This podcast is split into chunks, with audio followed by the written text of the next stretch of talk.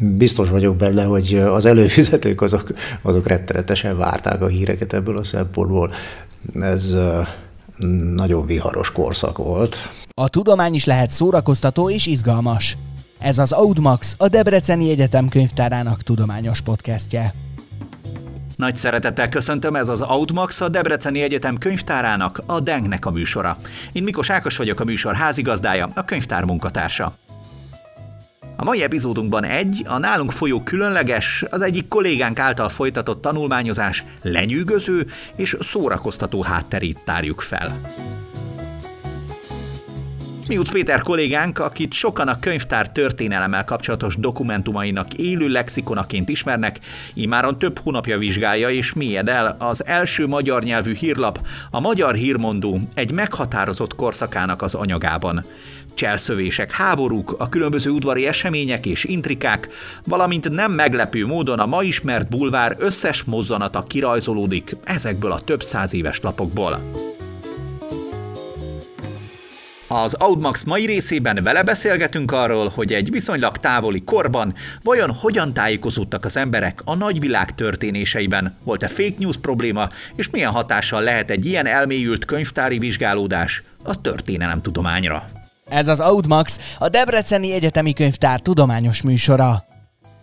2020. januárjában vettem észre, tulajdonképpen véletlenül, hogy a kolléganők a magyar hírmondót társzavazzák, illetve adatokkal látják el az egyes példányokat, illetve számokat. Amikor belekukkantottam a munkájukba, akkor láttam, hogy ez nekem nagyon testhez álló lenne, ugye, mint történelem szakosnak, mint egykori történelem szakosnak, és a korszak, tehát a Napóleon, a francia forradalom és Napóleon kora iránt érdeklődő embernek ez nagyon testhez álló lenne, ezért gyorsan lecsaptam a témára, és azóta folyamatosan bütykölöm, és tárgyszavakkal látom el a magyar hírmondó cikkeit, és lubickolok benne. A magyar hírmondót az első magyar nyelvű hírlapként tartják számon. Kétszer indult meg 1780-ban először, 1788 végén megszűnt, 1789-ben másik szerkesztőcsapat indítja újra, akkor már Bécsben, az első változat még Pozsonyban jelent meg. Sajnos 1803-ban a második változat is megszűnt, pedig jó lett volna, ha még működik, rengeteg feldolgozni való lenne még, és és hát önmagában is nagyon érdekes, tehát igazán csak sajnálhatjuk, hogy nem jelent meg tovább, de hát persze utána a reformkorban azért megindul a magyar hírlapkiadás, és a magyar hírmondó, mint a magyar újságírás úttörője kerül be a magyar sajtótörténet panteonjába. Gyakorlatilag azt mondhatom, hogy jól, jól számítom, bizonyíthatóan az első magyar nyelvű hírlapról van szó. Előzményei addig latin nyelvek voltak, például Rák, második Rákóczi Ferenc, Mercurius Hungaricusa, Ősze Mária a következőt írta a magyar hírmondó jelentőségéről. Amellett, hogy magyar nyelvű volt, indulásával meghonosítja a hírlapi kritikát is, olvasó közönség létrehozásával elősegítve a magyar irodalmi élet fejlődését. A hírlapot másodjára, teljesen különválva az eredeti magyar hírmondótól, Bécsben adták ki 1803. május 30-áig bezárólag. Hetenként kétszer jelent meg, kis nyolc rétíven. A lapszakaszai és füzetei megtekinthetőek és letölthetőek a periodicals.lib.unidep.hu oldalon a Magyar Hírmondó címre rákeresve. Így írhatja periodicals.lib.unidep.hu Na de vissza a Mihuc Péterrel közös beszélgetésünkre. Korábban úgy emlegetted, hogy szinte rögtön láttad, hogy neked való. Mi ragadta meg a figyelmedet, mert hogy biztos találkozol ilyen-olyan lappal? Olyan írtózatosan gyakran sajnos nem találkozom ezekkel ilyen-olyan lapokkal, de, de úgy vélem, hogy aki szereti a történelmet, annak egy ilyen mikrotörténelem, egy ilyen hétköznapi történelem, egy ilyen tulajdonképpen feldolgozatlan történelem, és hát egy, egy tulajdonképpen forrás, az mindenképpen egy izgalmas kaland, úgyhogy ezt muszáj volt rávetnem magam. Vissza tudsz emlékezni arra, hogy mire figyeltél fel? Egy konkrét cím, vagy egy címlap ragadott meg? Oda néztem, hogy a kolléganők mit csinálnak, hogy ez a kis érdeklődés, hogy sziasztok, lányok, mit csináltok, és ha jól emlékszem, ott ilyen Hát valami Napóleonnal kapcsolatos volt, mert igazán konkrétan nem emlékszem. 1801-es hírek, és kérdeztem, hogy mi ez, mondják a magyar hírmondó, és mondom, Napóleoni korszak, hát mi történik itt kére valásan. Hm, és fél perc múlva már rohantam is a kolléganőkhöz, hogy ezt adják nekem. Hogyan mutatnád be a hírmondót? Egyáltalán azt tegyük már rendbe, hogy ez mi? Hírlap? Magazin? Egy korabeli hírlap abban az időben még az, hogy magazin és hírlap igazából nem különült el lényegében tudósítások halmaza, ezekből álltak a, a hírlapok, postán vagy futárokkal érkeztek a, a hírek a központba, a városba, arra a településre, ahol a, az újságot összeállították. Gyakorlatilag minden van benne, ami abban az időben az olvasókat érdekelhette. Politikai hírek természetesen elsődlegesen, eseménytörténet, a legfrissebb politikai, gazdasági, első és nagyon nagy mértékben természetesen katonai események, és néha-néha időnként azt érzi az ember, hogy kicsit a, a lap megtöltése véget, hogy kerüljön már még valami abba a szövegbe. Idézőjelbe vett bulvár jellegű hírek is akadnak közte, illetve anekdotisztikus történetek, amelyekről időnként az is látszik, hogy ez már tényleg csak úgy került bele a labba, hogy na, suhasszuk be, teljen a papír. Egyáltalán mit tudunk a hátteréről? Kik alkották és hogyan vetették bele magukat a hírmondásba? A szerkesztők azok elég gyakran cserélődtek, az első változatnál is jóformán évről évre más vitte tovább. Az 1789-ben újraindított változatot kezdetben Görög Demeter, kiváló térképész és irodalmár szerkesztette. Én az 1801-es, 2-es példányokkal foglalkozom jelenleg. Ebben az időben Márton József volt a magyar hírmondó szerkesztője. Ő a Bécsi Egyetemen, ha jól tudom, a magyar nyelv tanára, professzora volt. 1809-ben, amikor Napóleon seregei Magyarországra érkeztek, ő fordítja le Napóleon kiáltványát a magyarokhoz, azt a bizonyos gyűjjetek összve őseitek szokásai szerint Rákos mezejére és adjátok tudtomra végzéseiteket befejező mondatú kis szösszenetet. Ezt ugye úgy tudjuk, hogy Bacsányi János fordította először, de aztán ez egy kicsit költőinek minősült, és Márton József javítatták ki a franciák. Kicsit meg volt ijedve az úri ebben, amikor hirtelen behívották a Bécsi francia főhadiszállásra, hadi állapot kellős közepén és felségárulással felérő írományt kellett fordítania.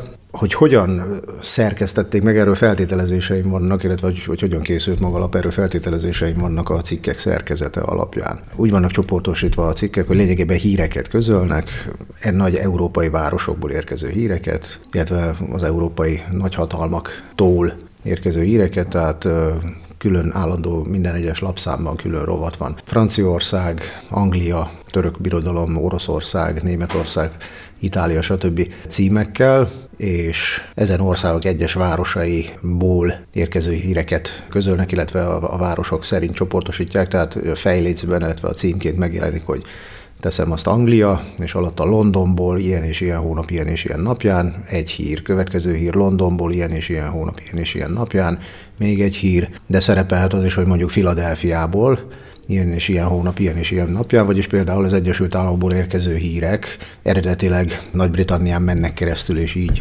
közlik le az Anglia rovatban, illetve Anglia cím alatt.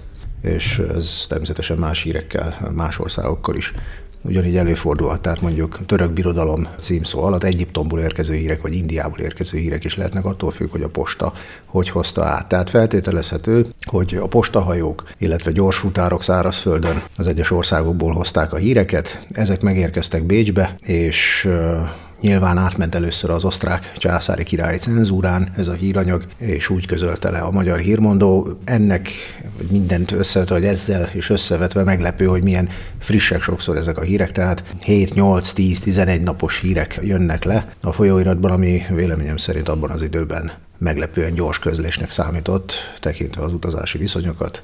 Ugye semmiféle erőgép által meghajtott jármű még, még nem üzemel, tehát sem a hajózásban, sem a szárazföldi közlekedésben a szélenergiánál, illetve a lónál gyorsabb eszközt nem számíthatunk a hírek továbbítására. De hangsúlyozom, nem vagyok száz százalékig biztos, hogy ez volt a hírek beérkezésének, illetve közlésének a folyamata. Minden esetre érezhető időnként, hogy a hírek sokszor nem első kézből kerülnek be a lapba. Tehát mondjuk a párizsi hírek azok elképzelhető, hogy először valamilyen német nyelvű bécsi újságban jelentek meg, és onnan veszik át, onnan fordítják, időnként égbe kiáltó fordítási hibák különösen név elírások jelentkeznek az egyes cikkekben. Minden esetre így is, mint említettem, a a meglehetősen rövid átfutási, illetve közlési idő miatt így is úgy vélhetjük, hogy, hogy hatalmas munkát végeztek a szerkesztők, miközben összeállították ezt a lapot. Ugye hetente, sőt egyes esetekben hetente kétszer is jönnek újabb és újabb lapszámok. Maga a lap egyébként, ugye szkennert változatban van előttem, az eredeti példányokat nem néztem még meg, de úgy tűnik, hogy, hogy viszonylag kis alakú, korabeli kis verses kötetek, füzetkék mintájára készült kis füzet alakban jelent meg. Olyan adatokat találtam, hogy utána nézegettem a alap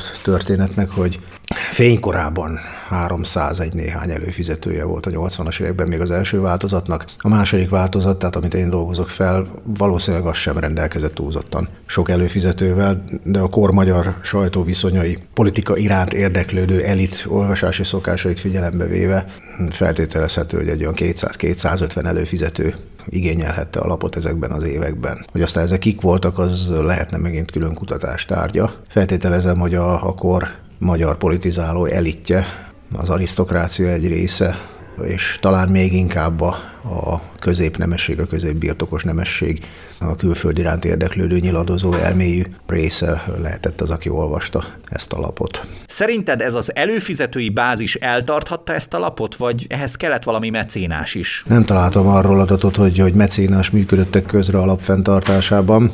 Igazából egyenesen nem tudok erre válaszolni, nem, nem tudom pontosan az, hogy, az, hogy végül is ez a második változat 1789-től 1803-ig fennmaradt, ez, ez véleményem szerint nem is olyan kicsi idő, és azt hiszem, hogy volt annyi előfizető, amely, amennyi eltarthatta, főleg azért, mert rendkívül izgalmas híreket közölt, és, és valljuk be, hogyha valaki ebben az időben Magyarországon a magyar olvasóközönségből érdeklődött a külföld iránt, akkor ennél gyorsabban igazából nem kaphatott híreket. Azt láthatjuk és érzékelhetjük, hogy akkoriban milyen jelentősége lehetett ennek alapnak, de ma a 21. század elején mitől válik jelentősé? Véleményem szerint egy nagyon jó másodlagos, másodlagos forrás, de időnként talán elsődleges forrás is lehet a téma iránt, illetve a korszak iránt érdeklődő történészkutatók számára, illetve egyetemi hallgatók számára is történész hallgatók számára. Találtam már benne nem is egyszer olyan szóról szóra leközölt dokumentumokat ugye a hírek között, amelyek például magyarul úgy veszem észre, hogy nem nagyon férhetők hozzá, és hát idegen nyelven is viszonylag körülményesen, bár mondjuk az internet korában persze ez a körülményesség, bár hál' Istennek nem, olyan, nem is olyan körülményesség. Legutóbb például Napóleon és a pápa közötti 1801-es konkordátum teljes szövegét is közli magyarra fordítva a legutóbbi vizsgálataim, illetve tárgyszavazásaim során bukkantam erre a cikkre, hogy a párizsi hírek között.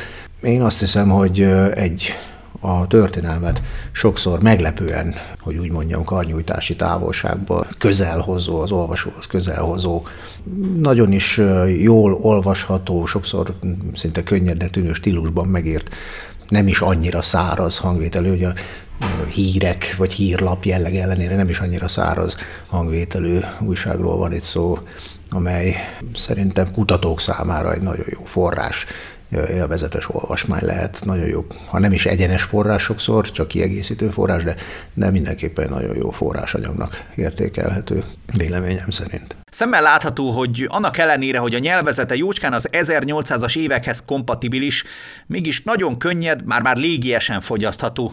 Neked mi volt a benyomásod? Az én számomra stílus ide, stílus oda nagyon könnyen olvasható és értelmezhetők a szövegek, tehát véleményem szerint egy, egy laikus olvasó, egy nem történész olvasó is egészen könnyen olvashatónak tartatja. A korabeli, tulajdonképpen azt mondhatjuk a nyelvújítás küszöbén, vagy éppen a nyelvújítás sűrűjében vagyunk ebben a korban, tehát a, a korabeli magyar nyelv hez képest, és, és egyáltalán a korabeli hivatalos stílusokhoz képest ez, ez kifejezetten egy, egy könnyen olvasható és gördülékeny stílus, amelyben ez alap meg van írva.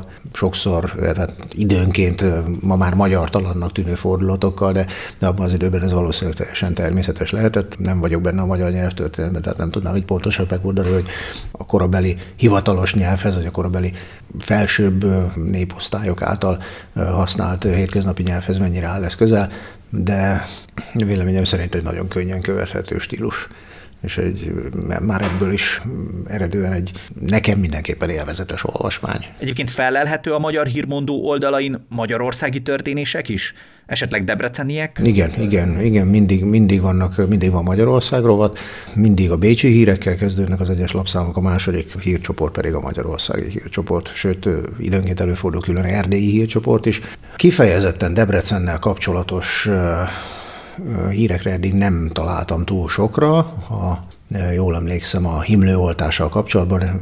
Meglepő, hogy például ebben az időben szinte minden, vagy minden második lapszámban valamilyen a himlőoltás terjesztésével, illetve terjedésével kapcsolatos hírt találunk. Ezzel kapcsolatban jól emlékszem, került már elő Debreceni vonatkozású hír is, és időnként toldalék rovat is szerepel az egyes lapszámokban, ebben többnyire szép irodalmi műveket közölnek. Csokonai Vitéz Mihálytól is közöltek már, illetve találtam már verset a feldolgozott anyagban, illetve Csokonai Vitéz Mihálynak előfizetési felhívását, műfordítás, illetve verses kötetére jellegzetesen csokonai stílusba teljesen összetévesztetetlen, az a kicsit ironikus és a, és a korabeli népnyelvhez közel álló jellegzetes csokona is stílus, amit a verseiben is mindig láthatunk, és, és itt ebben a hogy úgy mondjam, szakprózájában is nagyon jól meg lehet figyelni. Ezek eddig ilyen debreceni vonatkozásokra bukkantam. Persze, hogy nincs kizárva, hogy majd a továbbiakban még lesznek ilyen érintettségű szövegek is a a magyar hírmondóban.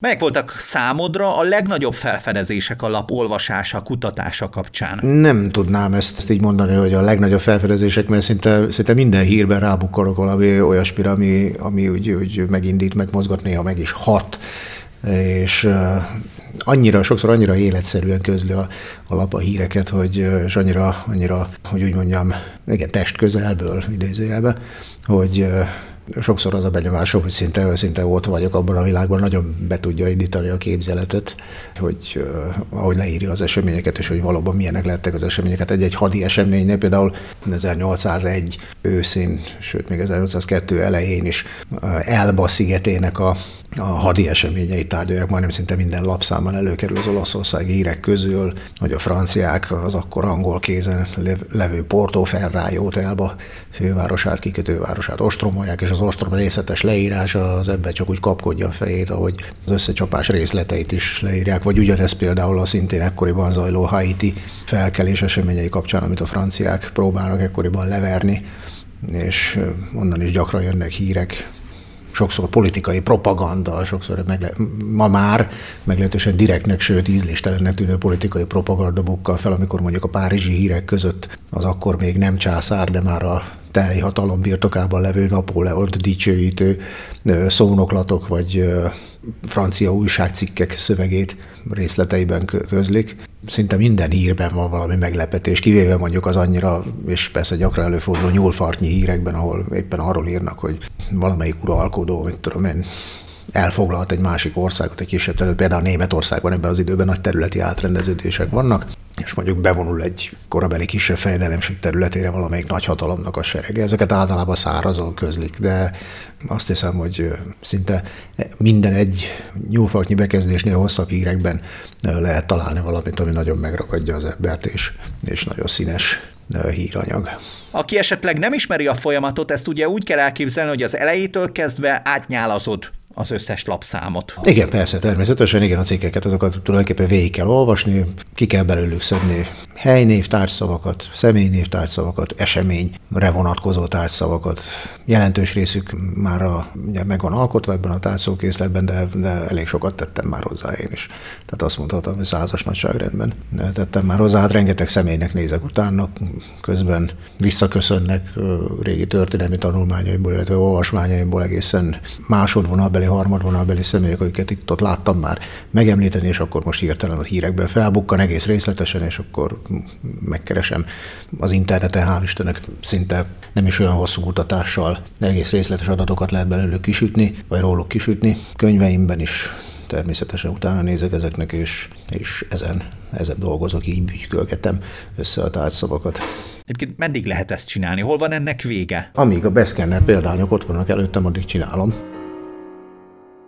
Péter nagy rajongója alapnak, ezért megkértem, hogy olvasson fel néhány részletet, kiemelten érdekes hírt. London, december 4-én. Toulonjon, ki a francia revolúció históriája leírása által elhíresedett, nemigen régiben okot szolgáltatott az anglusoknak a csúfolódásra, bizonyos és a Memoir de National Institute nevű gyűjteménybe bétett értekezésével, melyben azt vizsgálja, hogy micsoda nagy ereje van a nemzetek karakterére nézve annak, hogy mivel élnek azok. Az ánglus hajós legények azt mondja, azért olyan erősek, mert hússal élnek. Csak nem kikaptak a nevezett írón az anglusok, és azt mondják, hogy éppen nem olyan a matéria, hogy a Nemzeti Institútum gyűjteményeiből kellene azt megtanulni. Már ezelőtt száz s több esztendővel tudta azt az anglus köznép, mint minden közönséges ember szájában forgó daljai mutatják, amit örök emlékezet okáért szándékozott megírni Toulonjon, és ezután is jól akar élni, ha mindjárt dogmaticé nem tanulja is a főzést a francia szakácsoktól. Ha ön is elmélyedne a magyar hírmondó világában, akkor keresse fel a DENK digitális folyóirat és hírlap archívumát, periodicals.lib.unideb.hu Mélyedjen el ön is a lapszámaiban.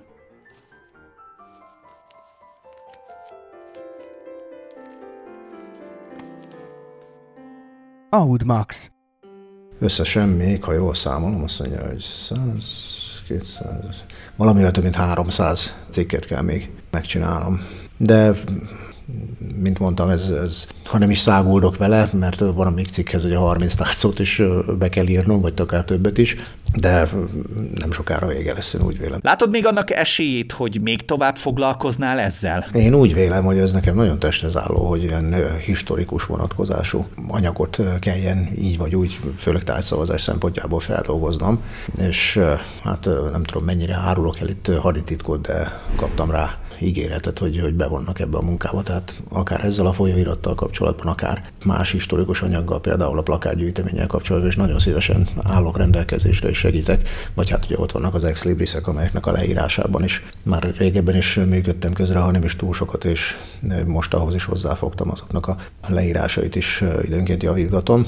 Én, én nagyon szívesen csinálom ezt, ez, ez nekem nagyon testhez álló, és, és azt hiszem, hogy, hogy egyáltalán nem haszontalan a könyvtár számára, hogy, hogy még inkább kutathatóvá lehessen tenni ezeket a historikus anyagokat. Pillanatra az villant be, hogy évekkel ezelőtt például, és remélem, hogy, hogy az most is megvan valahol, például Napóleon kori hivatalos francia lapot, hogy a monitörnek a, az összegyűjtött számait is láttam már a raktárban. Gyakorlatilag hogy a, a magyar hírmondó szerű hírlapról van itt is szó, csak franciául például hirtelen bevillant már egy pár hogy mi lenne, hogyha annak a feldolgozásában, társzavazásában, és ha erre szükség van, közre tudnék működni.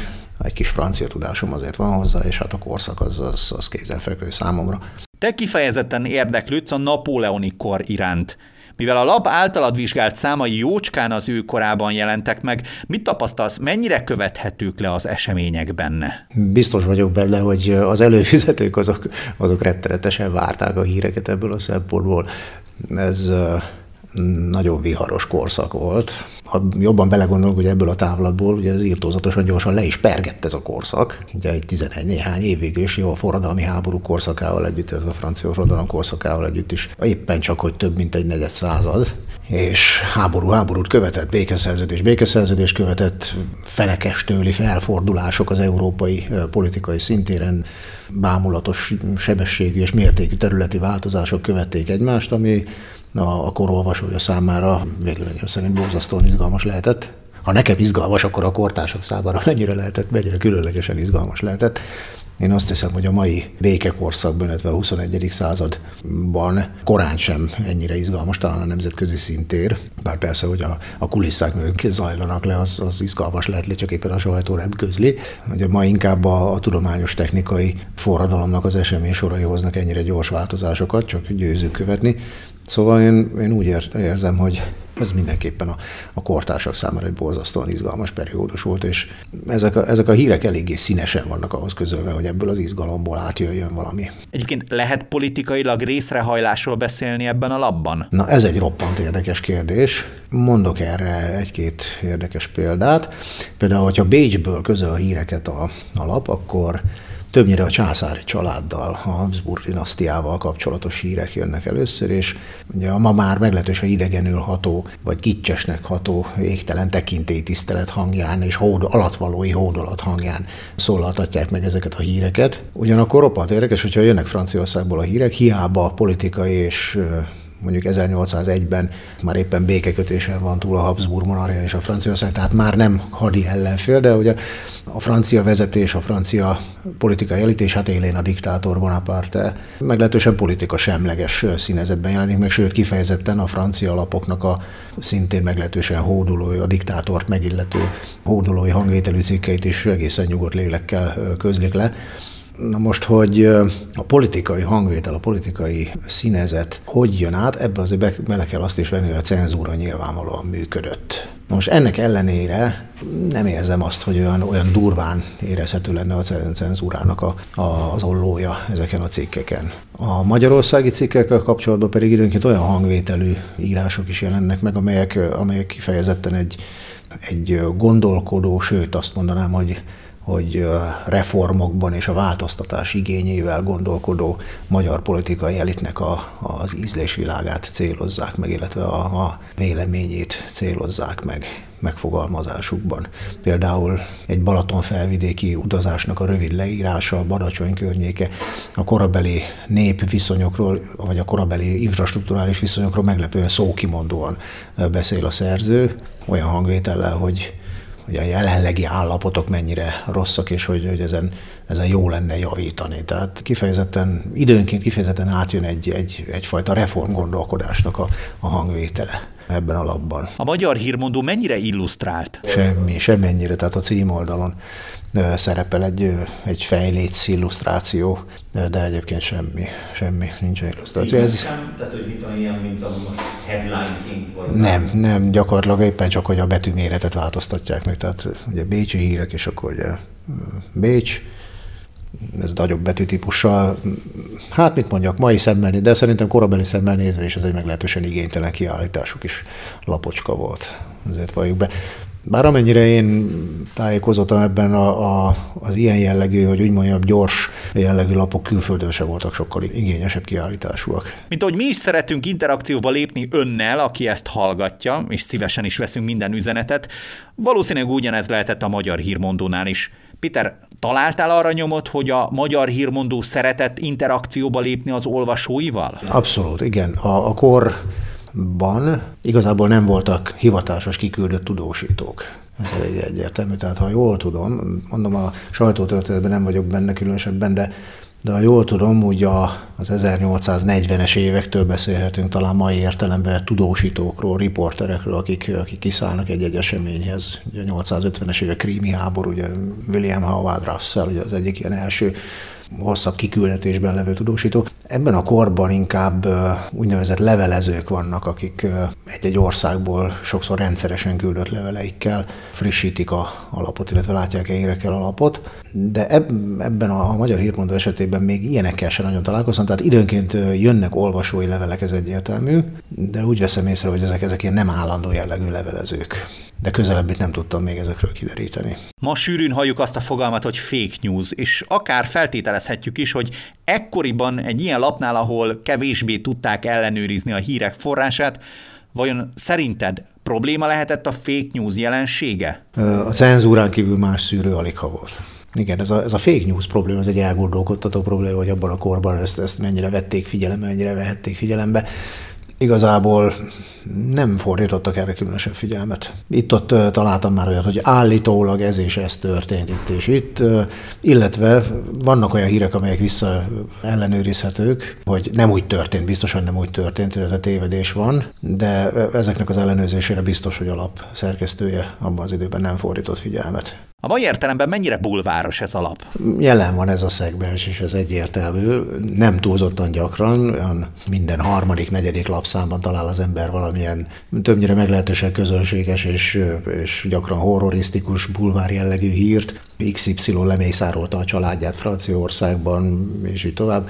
Nem ez a fő hangvétel, és időnként az is érződik rajta, hogy ezt csak azért tették bele azt a cikket, hogy, hogy teljen a, az oldal. Ez a szegmense nem, nem túl jelentős alapnak, de időnként felbukkan. A másik meg, hogy gyakran időjárási hírek jelennek meg, most a jég elverte a termést, most árvíz van itt és ott. Kicsit érződik ezen is az erőltetettség, hogy na, tegyünk már még bele valamit, hogy, hogy kiteljen a, a példány. Ezeknek nyilván ugye a hír értékesen túlzottan jelentős már egy mai kutató számára, de hangsúlyozom, ez, ez, a, ez a kevésbé előtérben levő oldala ennek a lapnak. London, december 7-én. Bestazzi nevű képáruló olasz a törvényszék elejébe idéztetett azért, hogy szemtelen és a szemérmetességet megsértő rajzolatokat árult Angliában. Rendesen folyt a pere. A vádoló volt a védkek zabolázására célozó társaság. A bűnös az olasz, aki ellen csak ugyan meghatároztatott a büntetés, elég lévén a béadott dolog eránt való bizonyság. Ha az olasz csak azért megbüntettetett, hogy ilyen képeket árult, Mire nem büntetné az a törvényszék azokat a szemteleneket, kik a dicsőséget abban keresik, ami az embert csak nem a barmokig megalacsonyítja? Ez az Audmax, a Debreceni Egyetemi Könyvtár tudományos műsora. Az előbb említettem, hogy van egy toldalék rovat, ami nem minden számban van. Természetesen, hogy eddig, ha jól emlékszem, ötször vagy hatszor találtam ilyen rovatot. Ez, ez időnként meglepően terjedelmes. Tehát egészen hosszú szépirodalmi anyagokat is közön, a Kisfaluli Sándortól hosszabb lélegzetű verset is találtam már.